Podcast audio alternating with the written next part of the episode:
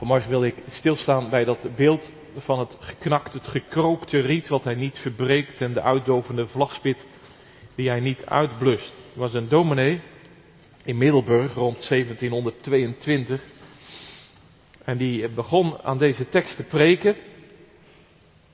Nou, toen had hij de eerste preek gehad. En toen preekte hij er nog een keer over. En toen nog een keer. En toen nog een keer. En toen nog een keer. 145 keer. Nou, dat ga ik niet doen.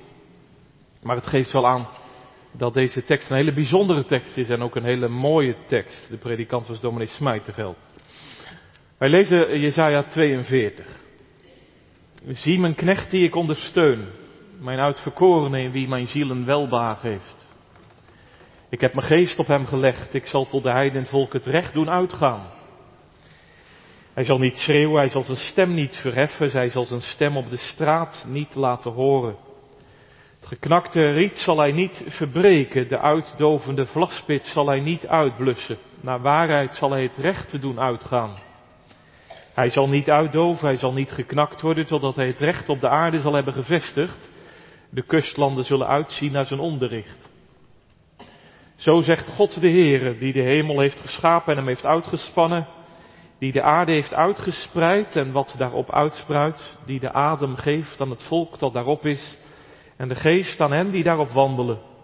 Ik, de Heer, heb u geroepen in gerechtigheid, ik zal u bij uw hand grijpen. Ik zal u beschermen en ik zal u stellen tot een verbond voor het volk, tot een licht voor de heidenvolken. Om blinde ogen te openen, om gevangenen uit de kerker te leiden, uit de gevangenis wie in duisternis zitten. Ik ben de Heere, dat is mijn naam. Mijn eer zal ik aan geen ander geven, evenmin mijn lof aan de afgodsbeelden. De voorgaande dingen, zie ze zijn gekomen. Nieuwe dingen verkondig ik, voordat ze ontkiemen, doe ik ze u horen. Zing voor de Heer een nieuw lied, zijn lof vanaf het einde der aarde. U die de zee en al wat daarin is bevaart, uw eilanden en wie daarop wonen.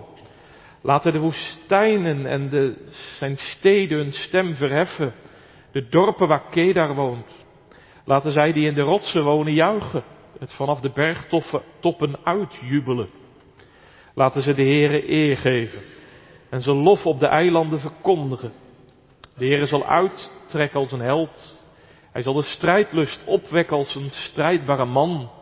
Hij zal juichen, ja, hij zal het uitschreeuwen. Hij zal zijn vijanden overweldigen. Ik heb van oude tijd afgezwegen. Ik heb me stilgehouden, mij bedwongen. Als een barende vrouw zal ik het uitschreeuwen. Ik zal verwoesten, ja, ik zal tegelijk verslinden. Ik zal bergen en heuvels woest maken en al hun gras zal ik doen verdorren. Ik zal van rivieren eilanden maken en waterpoelen doen opdrogen. En ik zal blinden leiden langs een weg die ze niet gekend hebben. Ik zal hen doen gaan op de paden die ze niet gekend hebben. Ik zal voor hen de duisternis veranderen in licht en wat krom is in wat recht is. Deze dingen zal ik voor hen doen, ik zal hen niet verlaten. Maar wie op gesneden beelden vertrouwen, wie gegoten, tegen gegoten beelden zeggen, u bent onze goden, die zullen terugwijken en diep beschaamd worden. Dove hoor, blinde, kijk en zie. Wie is er zo blind als mijn dienaar, doof als mijn bode die ik zend? Wie is blind zoals de volmaakte, blind zoals de knecht van de Heere? U ziet wel veel dingen, maar u let er niet op. Hij doet zijn oren wel open, toch luistert hij niet. De Heer was hem genegen omwille van zijn gerechtigheid. Hij maakt hem groot door de wet en luisterrijk. Dit is echter een beroofd en uitgeplunderd volk, vastgebonden in holen zitten ze alle, opgesloten in gevangenissen. Ze zijn een prooi geworden en niemand redt. Een buit geworden en niemand zegt geef terug. Wie onder u neemt dit ter oren? Wie slaat er acht op en hoort wat hierna zal zijn? Wie heeft Jacob tot buit gegeven en Israël overgeleverd aan rovers? Is het niet de Heere, hij tegen wie wij gezondigd hebben? Want ze wilden in zijn wegen niet gaan en ze luisterden niet naar zijn wet. Daarom heeft hij over hem uitgestort zijn grimmige toren en het geweld van de oorlog. Dit heeft hem rondom in vlam gezet, maar hij merkt het niet op. Het heeft hem in brand gestoken, maar hij neemt het niet ter harte. Vervolgens lezen we verder in het Matthäus-evangelie. Vorige week stonden we stil bij Matthäus 11. Kom naar mij toe, alle die vermoeid en belast zijt Jezus die zijn vader dankt dat het aan de kinderen wordt geopenbaard wie hij is en wat hij doet en waarvoor hij komt. En lezen we verder in uh, Matthäus 12, vers 9.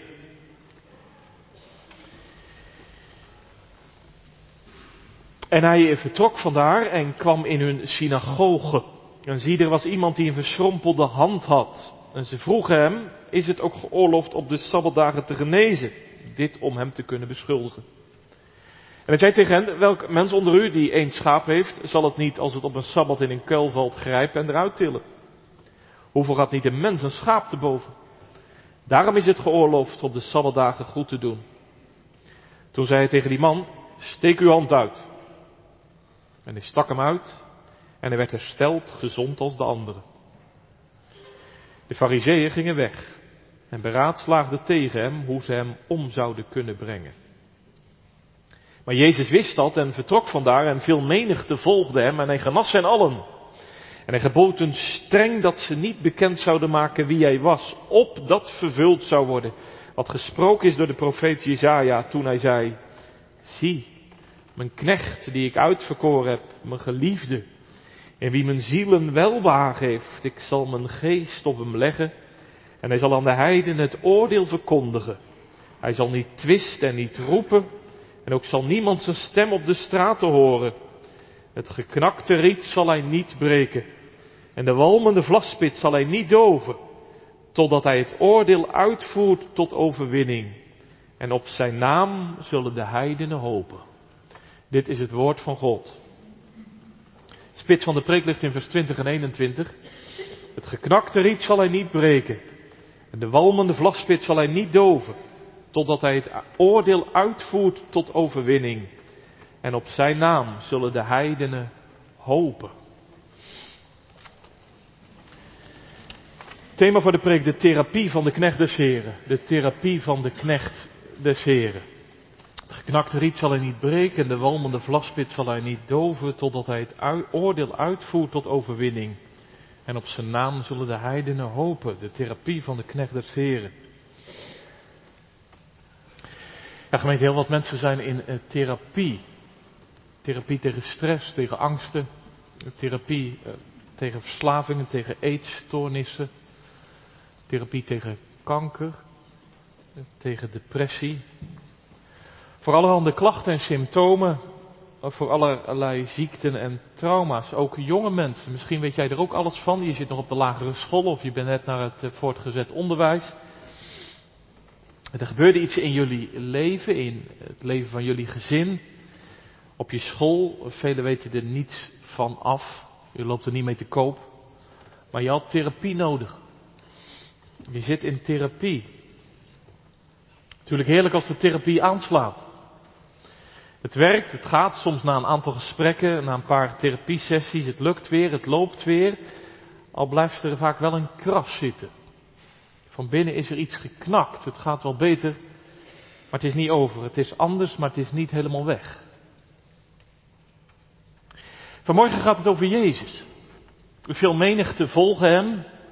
Veelzeggend zegt Matthäus erbij. En hij genas hen allen. Daar staat ons woord therapie. Jezus geeft dus therapie. Therapie die helemaal geneest, mensen weer tot hun doel brengt, mensen weer tot bestemming brengt. Het slaat aan, het werkt. Dat doet hij trouwens op een apart moment. Hè. De fariseeërs die zijn in beraad bij elkaar gekomen. Want Jezus genas een man met een verdorde hand. Hij deed dat op de Sabbat en de fariseeërs die vonden dat maar niks. Ze komen samen nota bene op de Sabbat, want Jezus moet worden omgebracht. Ja, dat mag schijnbaar wel. Iemand genezen op de Sabbat, daar hebben ze bezwaar tegen. Maar op de Sabbatdag overleg voeren hoe je iemand kunt ombrengen, dat, uh, nou ja. Uitgerekend dan wijkt Jezus uit.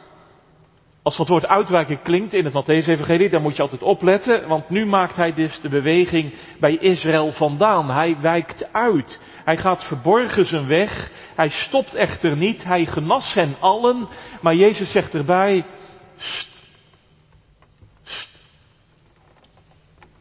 Niet over praten. Wie ik ben, wat ik doe. Niet verder vertellen. Jezus verbiedt dat aan deze kinderen.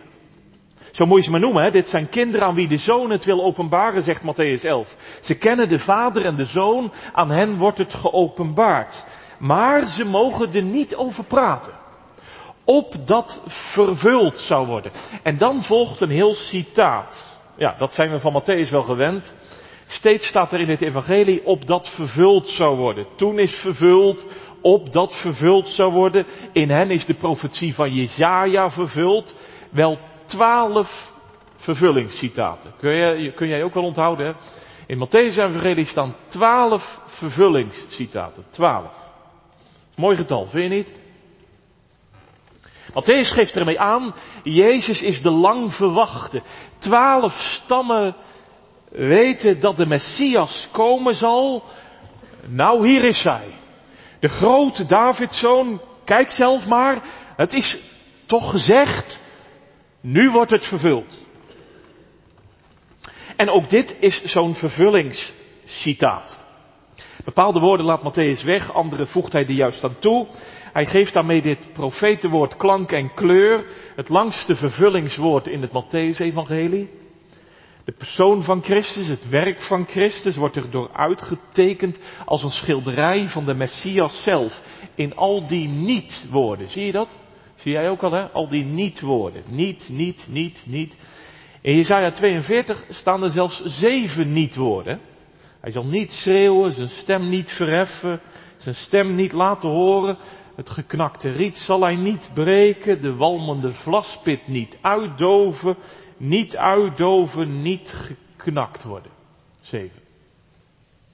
En Matthäus neemt dat over en hij laat er uh, vijf horen. Hij zal niet twisten, niet roepen, niet zijn stem op de straten laten horen, het geknakte riet niet breken en de walmende vlaspit niet uitdoven.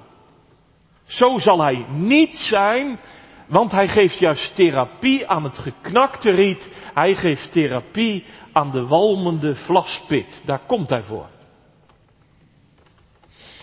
Een apart beeld eigenlijk, hè? Een geknakt riet, een walmende vlaspit. Waar gaat dat over?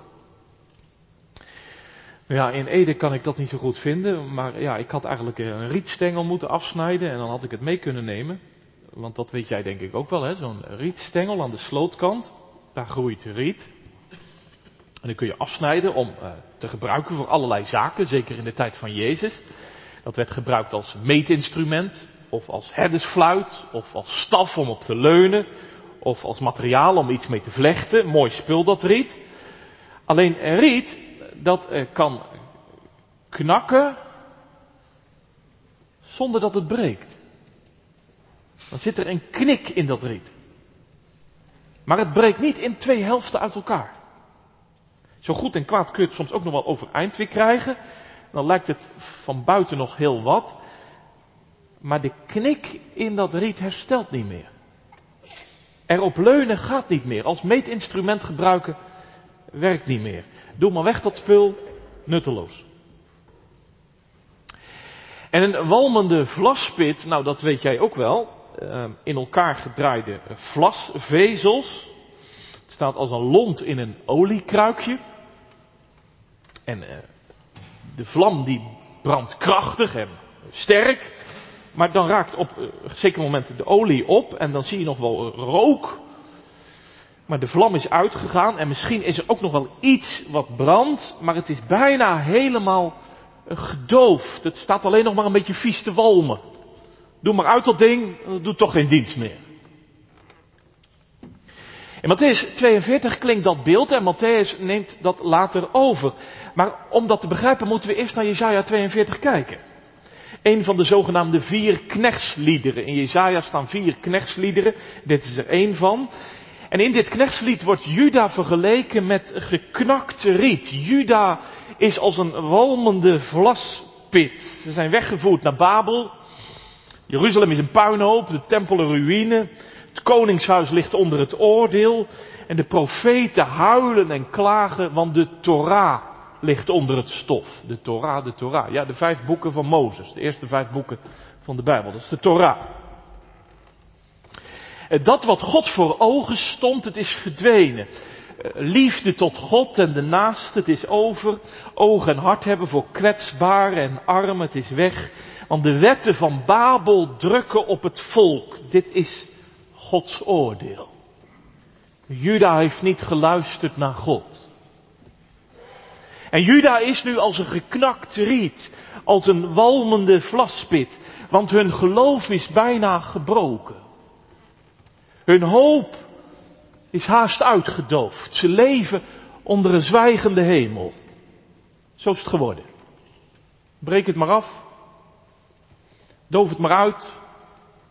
Geknakt riet, dat is onbruikbaar. Niet meer op te leunen. Een walmende vlaspit is nutteloos. Ze zijn toch niet meer een licht voor de heidenen. Dat moet Israël zijn. Een licht voor de heidenen. Maar dat zijn ze niet meer. Ze staan maar een beetje te walmen als zo'n vlaspit. Ja, de hemel zwijgt en het oordeel drukt. Nee, nee, nee, dat oordeel van God, dat is niet meedogenloos. Dat zwijgen van de hemel, dat is niet het zwijgen van een spijkerharde kerel die zijn vrouw dagenlang doodzwijgt. De Heer zwijgt met pijn in zijn hart. Want zijn verbond is gebroken en het volk is in de vreemde meedogenloos gedumpt. Het is voor de hemel niet om aan te zien, God kan er niet mee leven, de pijn drukt zwaar en het hart van God bloedt. Hoor maar. Ineens doorbreekt hij de stilte, gejuich klinkt, een nieuw lied wordt aangeheven. Verlossing, overwinning. Juda, hoor nou eens. Het is bij jullie geknakt, het is bij jullie bijna uitgedoofd. Jullie zijn onbruikbaar geworden voor jullie God. Maar wacht, zegt de profeet. Het geknakte riet zal hij niet breken. Juda zal weer overeind komen te staan. En de walmende vlaspit zal hij niet uitdoven.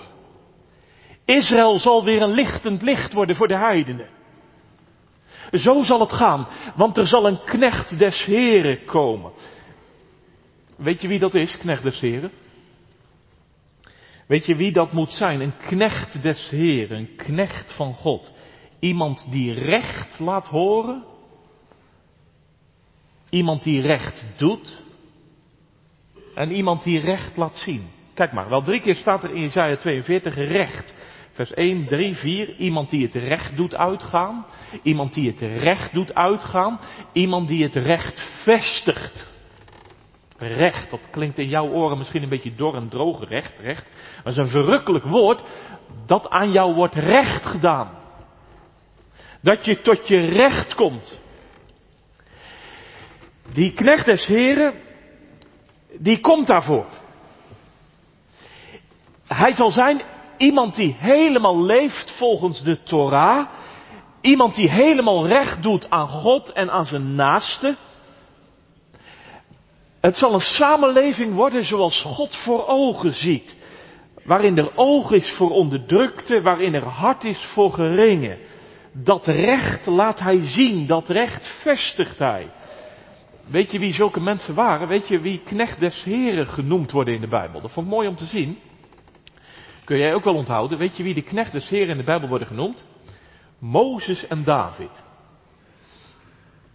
Nou, Mozes, die ken je wel, hè? Dat is een profeet die het recht liet horen. Dat betekent die het volk onderwees in de Torah. En David, die ken je ook wel, hè, de koning. Die moest juist het recht vestigen op aarde. Het volk houden bij de Torah. Een samenleving vormgeven waarin het doel van God met de mens zichtbaar zou worden. Waarin Gods hart zou te zien zijn. Jezaja zegt, zo'n knecht des Heren zal er komen. Een profeet die de woorden van de Torah weer echt spreken zal. Zoals Mozes optrad, in zachtmoedigheid het volk onderwees in de Torah. En een koning die volgens de woorden van de Torah regeren zal, zoals David handelde. Als man naar Gods hart las hij iedere dag een stukje in de Torah. Nou, zo iemand zal er komen. Ja, jij voelt al lang waar we heen gaan natuurlijk. Maar Matthäus zegt, kijk, kijk. Kijk naar Jezus. Hij is de vervulling van Jezaja 42. Meer dan de profeet Mozes. Meer dan de koning David. Hier is hij. Zie mijn knecht, mijn uitverkorene, mijn geliefde, in wie mijn ziel een welbehagen heeft. Ik zal mijn geest op hem leggen. Hé, hey, mijn knecht, mijn uitverkorene, in wie mijn ziel een welbehagen heeft. Zo klonk de stem van de Vader, hè? Toen Jezus gedoopt werd. Nou, dit is hij. Kijk nou toch. Hij gaat de weg van Jesaja 42. In wat hij doet wordt zijn niet gestalte zichtbaar. Hij zal niet twisten, niet roepen. Zijn stem op de straten niet laten horen. Hij zal zwijgen, hij zal lijden. Want wat er in Jesaja 42 mis was, dat is alweer aan de orde in Jezus dagen. Fariseeën en schriftgeleerden, ze treden spijkerhard op. Als een hard juk. Geen zachtmoedigheid zoals bij Mozes. Zelfzuchtig en egoïstisch gaan ze te werk om vooral zelf gezien te worden, zonder oog en hart voor kwetsbaren en geringen. En trouwens, het bestuur van het land is in de dagen van Jezus in handen van de Romeinen. En het recht van Rome bepaalt het leven. De Torah is helemaal onder het stof komen te liggen. Het hart van God is niet meer zichtbaar. Het doel van de Here is weggeraakt. Maar wacht, Jezus ziet het. Hij ziet mensen die er nog geknakt zijn, onbruikbaar. Als een gekrookt riet. Mensen die er door opgebrand raken als een walmende vlaspit. Mensen die eronder gebukt gaan dat de hemel zwijgt. En dat de Torah onder het stof ligt. Dat het niet, maar wordt, niet meer wordt in hun leven zoals God het graag ziet. Liefde tot God en de naaste. Toewijding aan de God van het verbond. Alles drukt en knelt. Het geloof staat op breken en de hoop is bijna gedoofd. Nou gemeente, komt dat dichtbij? Bent u dat misschien? Jij? Ja, misschien een jongere vanmorgen in de kerk. Kan toch? Geknakt riet. Een walmende vlaspit. Ik bedoel, er is wel verlangen in je leven. Verlangen naar God. Maar het komt maar niet tot zijn doel. En het leven met God is in jouw leven zo klein en zo karig, maar een heel klein stukje. Je zou zo graag willen. En je probeert het elke keer weer, die volkomen liefde tot God en de naaste. Wat zou het heerlijk zijn als mijn leven zo zou zijn. En je verlangt er soms zo naar. En je zit in de kerk en en het verlangt in je ziel naar God. Maar ja, door de week zit je in een hele andere omgeving. Dat is een omgeving waar hele andere wetten gelden. Het is als een Babelcultuur. Andere regels en geboden dan God voor ogen staat. Elke week kom je in de kerk, je zingt de liederen, je bidt mee. En je hoopt zo dat het anders wordt in je leven. Maar het voelt vaak zo niksig. Zo niksig. Wat is dat nu met mij? Wordt het wel wat? Hoe komt dat nou ooit goed met het doel van God met mijn leven? En je geloof staat intussen op breken en de hoop lijkt te doven, want je leeft onder een zwijgende hemel, dat is al erg genoeg. Ja, je kunt zo klem zitten. En daarbij nog de vraag stellen, Komt mijn leven dan wel door het oordeel heen? Kom ik dan wel door het oordeel heen als mijn leven er zo uitziet? Zijn grote vragen, hè?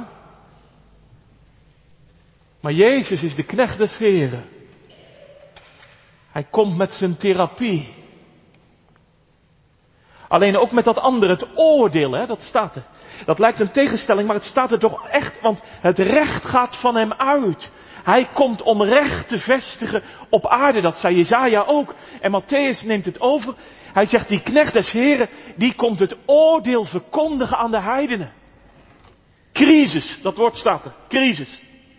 Jezus komt het recht verkondigen. Er komt een dag van oordeel.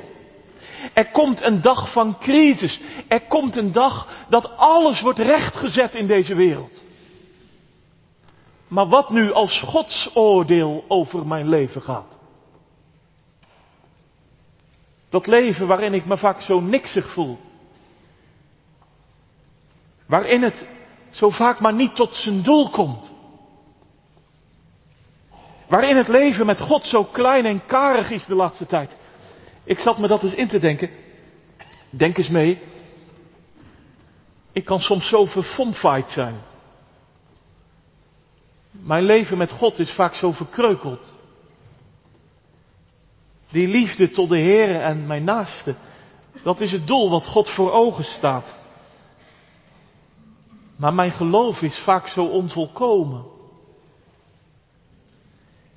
En mijn recht doen aan God en mijn naaste, lichtend licht zijn voor anderen.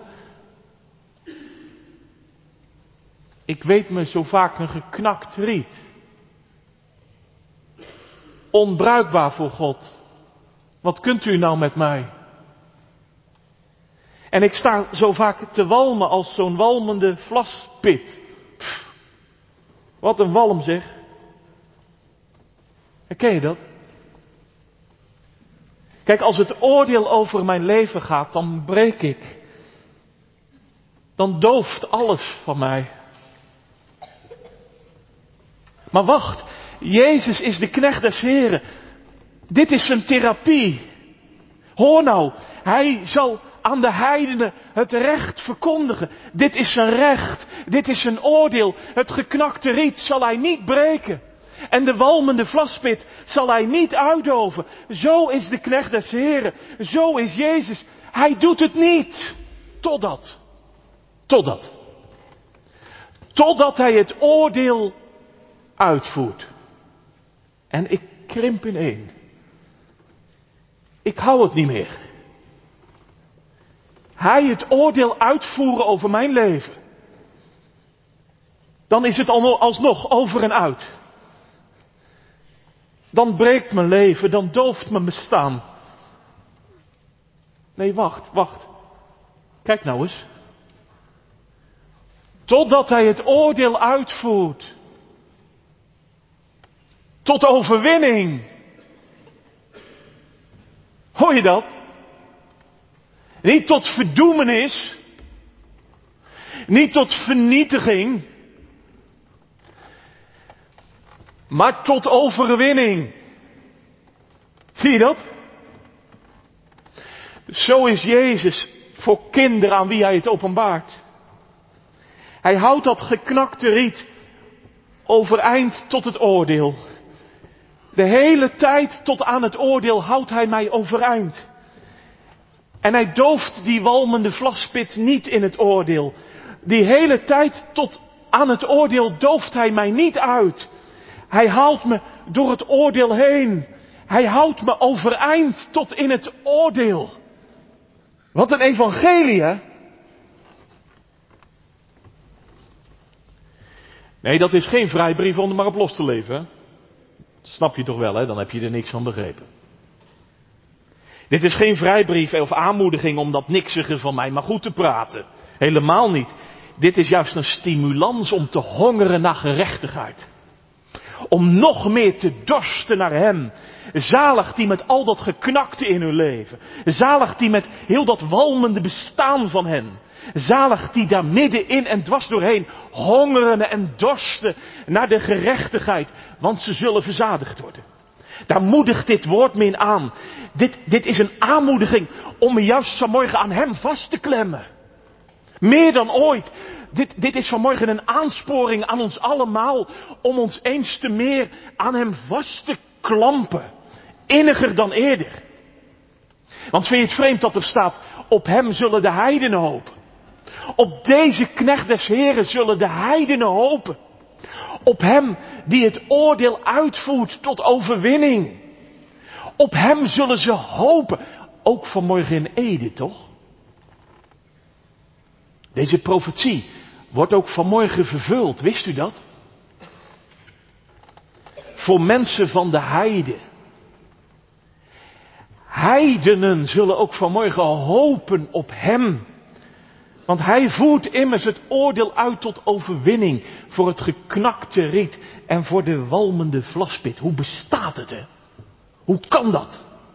Dat is een goede vraag. Hoe dat kan? Moet je eens kijken. Daar gaat de knecht des heren. Farizeeën en schriftgeleerden zijn in vergadering bijeen geweest, nota bene op de Sabbat. Hoe gaan we hem ombrengen?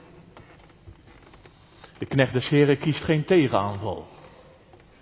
Hij bedenkt geen verdedigingsstrategie. Hij zal niet twisten. Hij zal niet roepen. Hij zal zijn stem niet op de straten laten horen. Hij zal zwijgen, hij zal lijden. Hij zal zelf in het oordeel gaan staan. Kijk eens, daar staat hij. Soldaten leiden hem weg. Al zijn kleren worden van zijn lijf gescheurd, gerukt. Een oude soldatenmantel hebben ze nog ergens gevonden. Dat is een tenue. En een kroon van dorens wordt op zijn hoofd gezet. En kijk eens in zijn hand. Zie je dat? Ze duwen een rietstok in zijn rechterhand. En hij houdt hem stevig vast. Ja, e- even pakken ze die rietstok nog uit zijn handen en dan slaan ze op zijn hoofd. Maar hij houdt hem vast in zijn hand. Daar staat hij. De knecht des heren. Bespottelijk ziet hij eruit. Een koning met een rietstok in zijn hand. Wat zie je daar nou in? Wat zie je daar nog aan? Nou, wacht even, wacht even. Want wat denk je? Wat denk je? Zou Jezus, toen hij daar zo stond, zou hij nog aan dit profetenwoord hebben gedacht? Het geknakte riet zal hij niet breken. De walmende vlaspit zal hij niet doven. Kijk, kijk nog eens even goed. Hij houdt de rietstok in zijn handen vast. Want hij voert het oordeel uit tot overwinning. Tot overwinning. Ja. Weet je wat daar het geheim van is? Hij gaat nu zelf in het oordeel staan. Hij laat zich breken. Hij laat zich breken. Zijn lichaam voor mij. Hij laat zijn licht helemaal uitdoven.